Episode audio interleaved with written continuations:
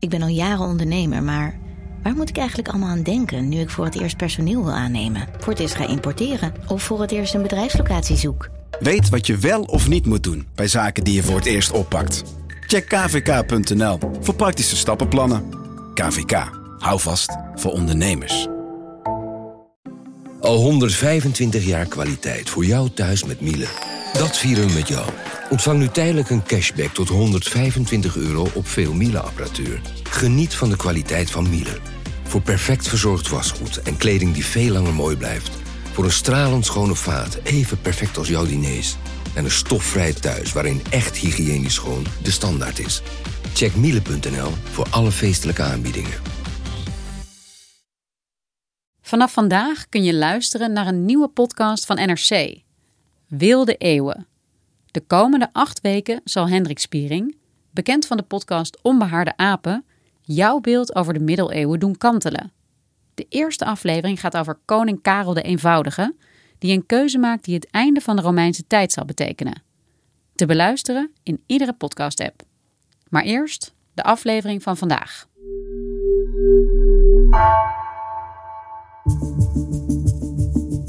Vanaf de redactie van NRC het verhaal van vandaag. Mijn naam is Floor Boon.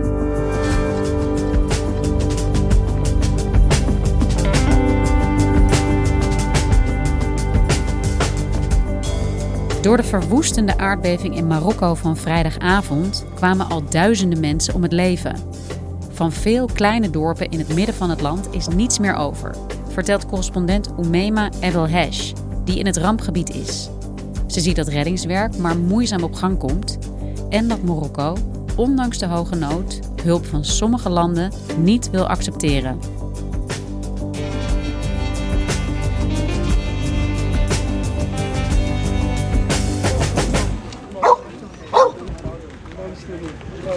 Dit weekend kwam ik aan in Marrakesh, een dag na de aardbeving. Um, die inmiddels al meer dan 3000 doden heeft gekost. Good evening. It happened late at night when most people were asleep. There was no warning. And it was absolutely horrific in its power. This is the moment a 6.8 magnitude earthquake rocked Morocco. En eenmaal bij aankomst in Marrakesh zag je al de eerste schade. Je zag al gebouwen die dus uh, waren ingestort. Mensen die op de grond aan het slapen waren. Op eerste beelden uit het rampgebied, zoals hier in Marrakesh... is te zien dat er veel schade is aan gebouwen. Een deel is ingestort en straten en auto's zijn bedolven onder puin. Ik was met een uh, andere journalistenploeg. Toen gingen we een beetje rondlopen, kijken wat er allemaal aan de hand is. En toen waren we op het uh, uh, toeristische plein Jamal Fnau. Dat is in Marrakesh het bekendste plein waar al die kraampjes ook staan. Waar je dan verse jus kan halen, slakken kan eten of op de foto met een slang. nou, dat was er dus allemaal niet. Het waren echt maar... wat zal er zijn, een handjevol kraampjes open. En dat plein lag vol met mensen die daar dus de nacht gingen doorbrengen. Omdat ze dus niet thuis durfden te slapen. Omdat in de oude Medina uh, heel veel huizen of uh, gelijk waren gemaakt met de grond uh, door de aardbeving. Of er heel veel scheuren in zaten waardoor zij bang waren dat het huis op ze zou storten wanneer ze zouden gaan slapen. Hij zei, de moskee is vernietigd. Kijk, minaret staat er niet meer. طاحت كاملة وكنتوا هنايا منين طاحت؟ لا كنا في طرحنا ik ben toen op een gegeven moment een, een gezin tegengekomen. Uh, een moeder die met haar drie zonen op de grond lag te slapen. En toen heeft ze haar tienjarige zoontje Walid uh, met mij meegestuurd uh, de oude Medina in, zijn wijk in. Zodat hij mij kon laten zien hoe groot de schade was. Oké, okay. zegt een schattig kind. Hij vertelt dus dat uh, daar waar hij woont is een plein, maar dus ook heel veel mensen liggen te slapen.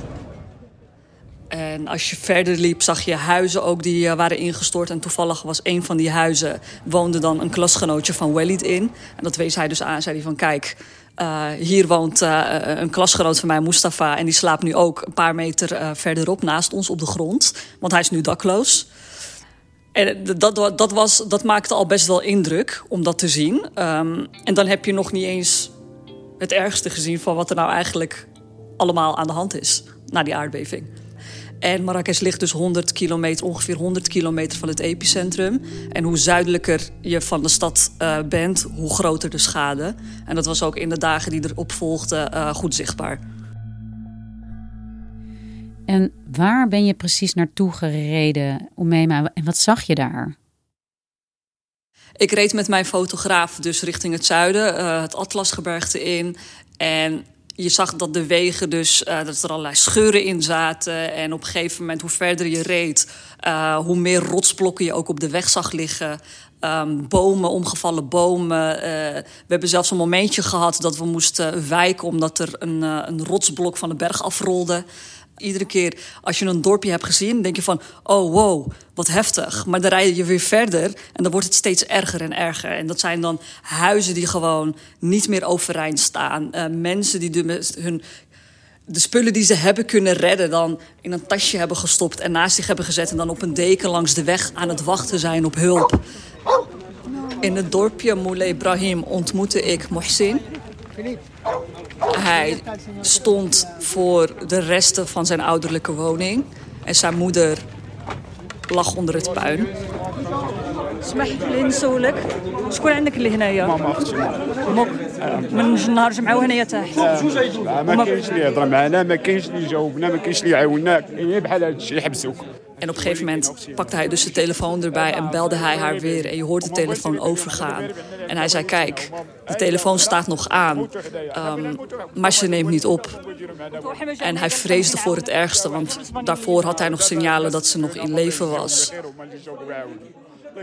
Je hoorde geen, geen hulpkreet.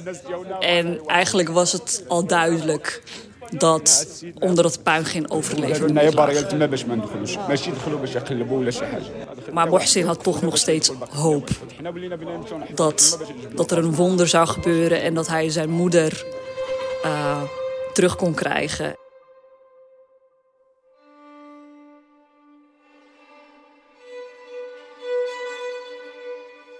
De Spaanse reddingswerkers die kwamen op een gegeven moment bij het ouderlijke huis van Mohsin staan. En hij werd blij, hij dacht eindelijk hulp. Ze hadden honden meegenomen, dus dan kan je een, uh, makkelijker slachtoffers uh, vinden. Maar de Marokkaanse autoriteiten lieten de Spanjaarden er niet door. Op een gegeven moment ontstond er een discussie en na lang getrek toen kreeg het hoofd van het reddingsteam toestemming om met één hond en nog een andere collega het puin op te lopen. En Mohsin mocht mee, zodat hij kon aanwijzen waar zijn moeder dan ongeveer lag. En toen zij dus uh, het puin in verdwenen, um, kwamen ze later terug met dus het slechte nieuws dat er geen teken van leven is.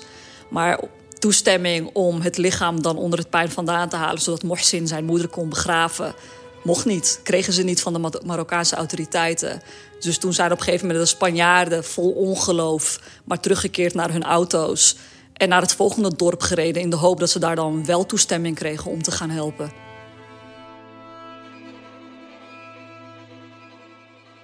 Waarom zouden de buitenlandse reddingsdiensten niet mogen helpen terwijl ze daar staan? Nou ja, wat ik de, uh, de Marokkaanse autoriteiten daar hoorde zeggen was letterlijk: dit zijn orders van bovenaf. En verder kon hij zelf niks zeggen. Het simpele antwoord is: Marokko die probeert de controle zelf te houden. Um, over de hele situatie. En uit een soort van trots ook. Maar ook uit gewoon een heel geopolitiek spelletje dat wordt gespeeld. Um, want bijvoorbeeld een Frankrijk, uh, zijn oude kolonisator van Marokko, hadden altijd hele goede banden. Maar die vriendschap tussen beide landen is nu langzamerhand aan het afbrokkelen. En Marokko heeft gewoon hulp van Frankrijk geweigerd. Spanje mocht dan wel komen. Qatar mocht komen bijvoorbeeld. Israël, ook een hele opmerkelijke. Um, en de Emiraten in de eerste instantie. En waarom dat is, is Marokko wil de positie in Afrika verstevigen. Um, en door deze landen wel toe te laten, uh, proberen zij dus zichzelf steviger in het zadel te zetten. En dat dan ten koste van de slachtoffers die gevallen zijn. Ja, want als je het zo vertelt, speelt Marokko dus eigenlijk een soort ja, een diplomatiek spel, politiek spel over de ruggen van de eigen inwoners die niet de hulp krijgen die ze nodig hebben. Precies, ja, dat is precies wat er aan de hand is.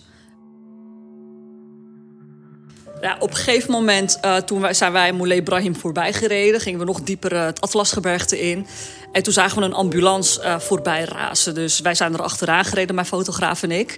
Um, want wij dachten van misschien wordt er nu iemand levend onder het puin vandaan gehaald. Nou, een paar kilometer verderop stopten ze in een dorp. En um, toen gingen de deuren open van de ambulance. En achterin lagen twee kratten brood. Ehm, misschien drie, vier treetjes water, wat pakken melk en sap.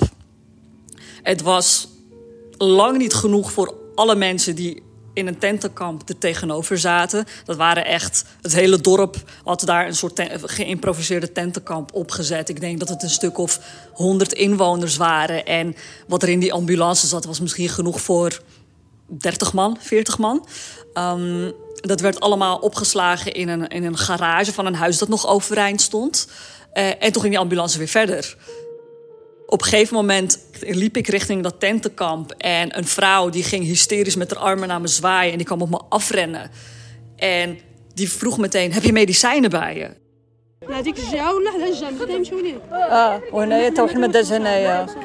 Ik was een beetje verbaasd door haar vraag. Ik zei van, sorry, hoe bedoel je medicijnen? Ze zei, jij bent een arts toch? Je komt van Artsen zonder Grenzen. Omdat ze mijn fotograaf naast me zag staan. Um, een Amerikaanse man. Dus die dacht, dit zijn buitenlanders die ons komen helpen. Um, maar ik had geen medicijnen mee. En toen vertelde zij dus dat dat hele tentenkamp uh, koorts had. Uh, ze waren ziek aan het worden. Je zag de kinderen hadden allemaal rode ogen. Uh, ze zagen er echt heel erg ziek uit. En zij smeekte om hulp. Ze zei, alsjeblieft, medicijnen. We hebben echt medicijnen nodig. En ik zie net een ambulance voorbij komen. Ik dacht dat ze ons kwamen helpen, maar ze zijn alweer weg. Uh-huh. En dat was een beetje de situatie op die zaterdag, en maar ook de zondag. Um, en eigenlijk is de hulp pas maandag echt op gang gekomen.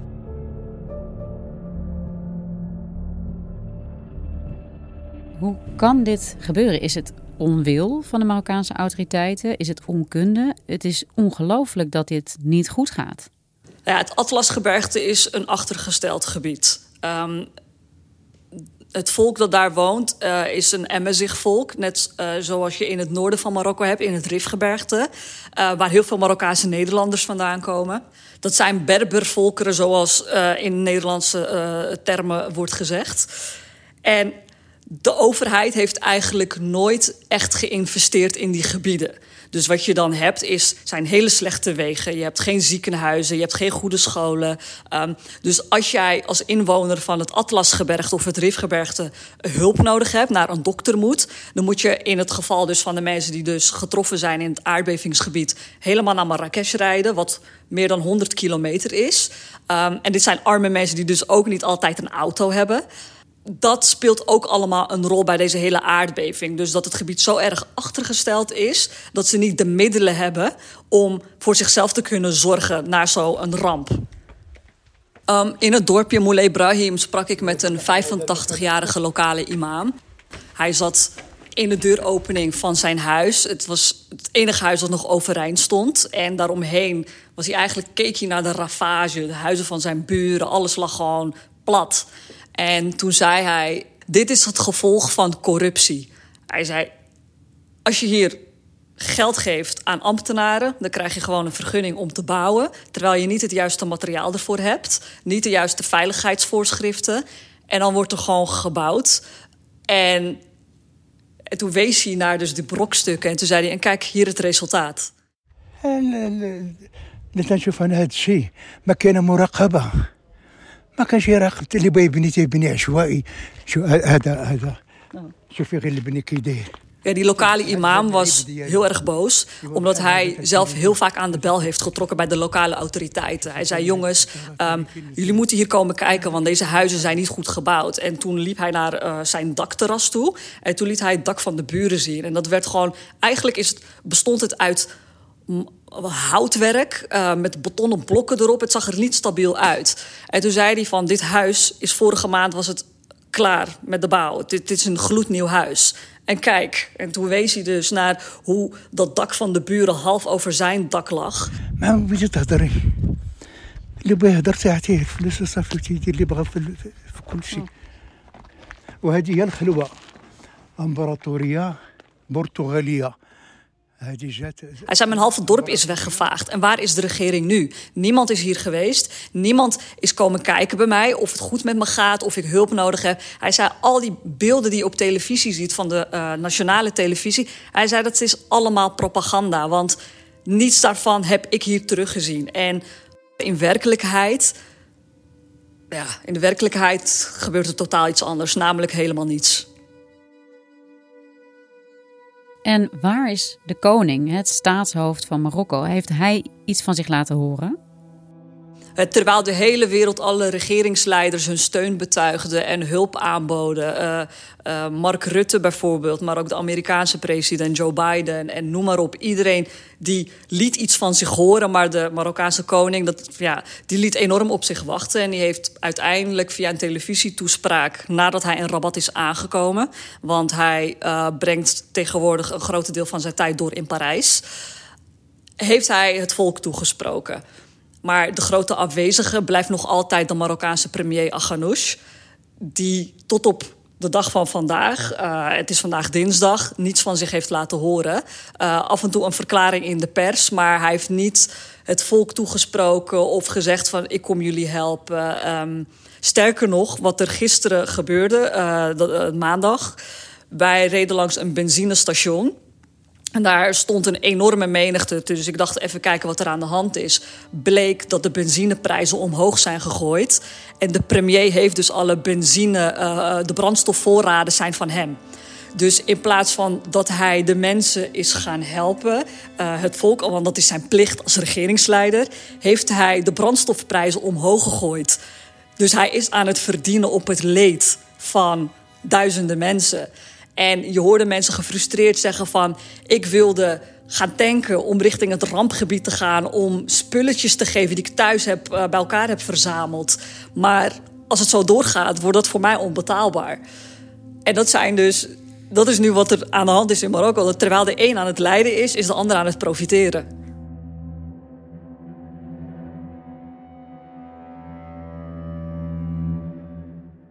Omema, Jij bent gisteren nog weer verder het rampgebied ingetrokken. Hoe was het daar? Vreselijk. Ik heb daar dingen gezien die je niet voor mogelijk kan houden, die je niet kan inbeelden. Je zag gewoon letterlijk dorpen die waren weggevaagd. En alle mensen die daar waren, zijn dood. Er waren maar een enkeling die het hebben overleefd en die zaten daar een beetje roerloos bij, wachtend op hulp. Kijkend naar de reddingswerkers in de hoop dat ze misschien nog iemand levend onder het puin vandaan konden halen. Maar iedere keer als de reddingswerkers weer iemand hadden gevonden, wat daarna volgde was gekrijs, gehuil, want het was weer een lijk. En de geur het rook daar echt naar de dood. Je rook gewoon rottende lijken. Want je moet je voorstellen dat het daar bloedheet is. Die brandende zon. Al drie dagen op dat gebied. Dat gaat enorm stinken. En je zag ook op een gegeven moment dat zelfs reddingswerkers helemaal emotioneel werden. Ik zag één, dat was dan een Marokkaanse reddingswerker... die huilend wegliep, omdat hij dus net weer een lijk had gevonden. Het staat op je netvlies gebrand. Ja, dit vergeet je niet. Dit, dit, dit kan je onmogelijk um, vergeten, wat, je daar, wat ik daar heb gezien. En wat denk jij? Hoe gaat het de komende tijd met het reddingswerk? Zal dit nu beter op gang komen? Worden mensen nu wel geholpen?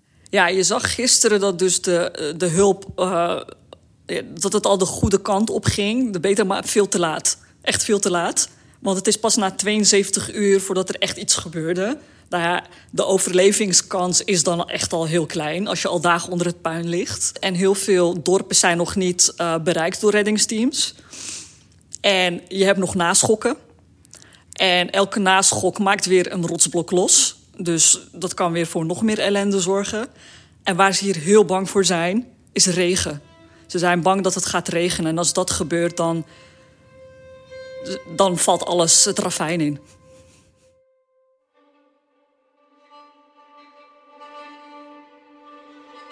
En uit alles wat je vertelt, Oemema, spreekt toch ook dat de Marokkaanse regering afwezig is, niets doet, veel te weinig doet of te laat. Hoe reageren de Marokkanen, in ieder geval degenen die niet direct nu getroffen zijn door deze aardbeving? De Marokkanen zijn woest, uh, om het uh, op zijn zachtst uit te drukken. En verontwaardigd dat de regering eigenlijk helemaal niets geeft om haar eigen mensen. En er wordt al gesproken over dat ze de straat op willen gaan om te protesteren, om het aftreden van de, uh, het voltallig kabinet te eisen. Want zij vinden dat dit echt niet kan. Dat je duizenden mensen aan hun lot overlaat. Heel veel sterkte daar, Omema, en dank je wel. Graag gedaan.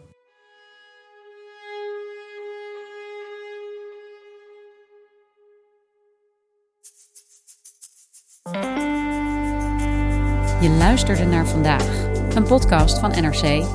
Eén verhaal, elke dag. Deze aflevering werd gemaakt door Gabriella Ader, Anna Korterink en Stef Visjager. Coördinatie Henk Ruigrok van der Werven. Dit was vandaag, morgen weer.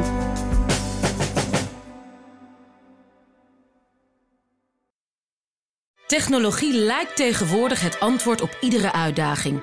Bij PwC zien we dit anders.